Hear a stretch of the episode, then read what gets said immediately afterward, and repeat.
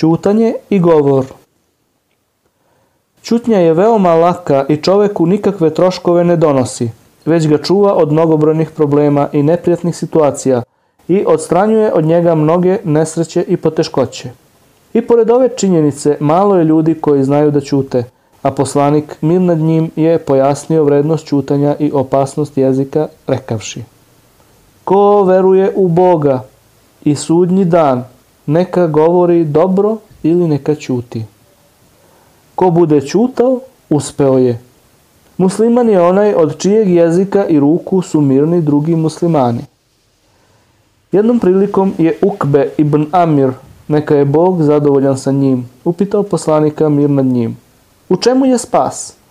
Poslanik je odgovorio. Čuvaj svoj jezik, drži se svoje kuće i plači zbog svojih greha. Cilj ovih kazivanja nije podnošenje i nemenjanje onoga što je loše i čutanje o nepravdi, nego je cilj udaljavanje od onoga što ne valja i udaljavanje od govora koji nije zasnovan na dokazu. Zato je poslanik mir nad njim i kazao, reci istinu pa makar bila i gorka. Boži poslanik mir nad njim je rekao, prvak šehida poginulih na Božjem putu je Hamza ibn Abdul Mutalib i čovek koji je ustao da nepravednom vladaru zabrani zlo i naredi dobro pa ga ovaj ubije.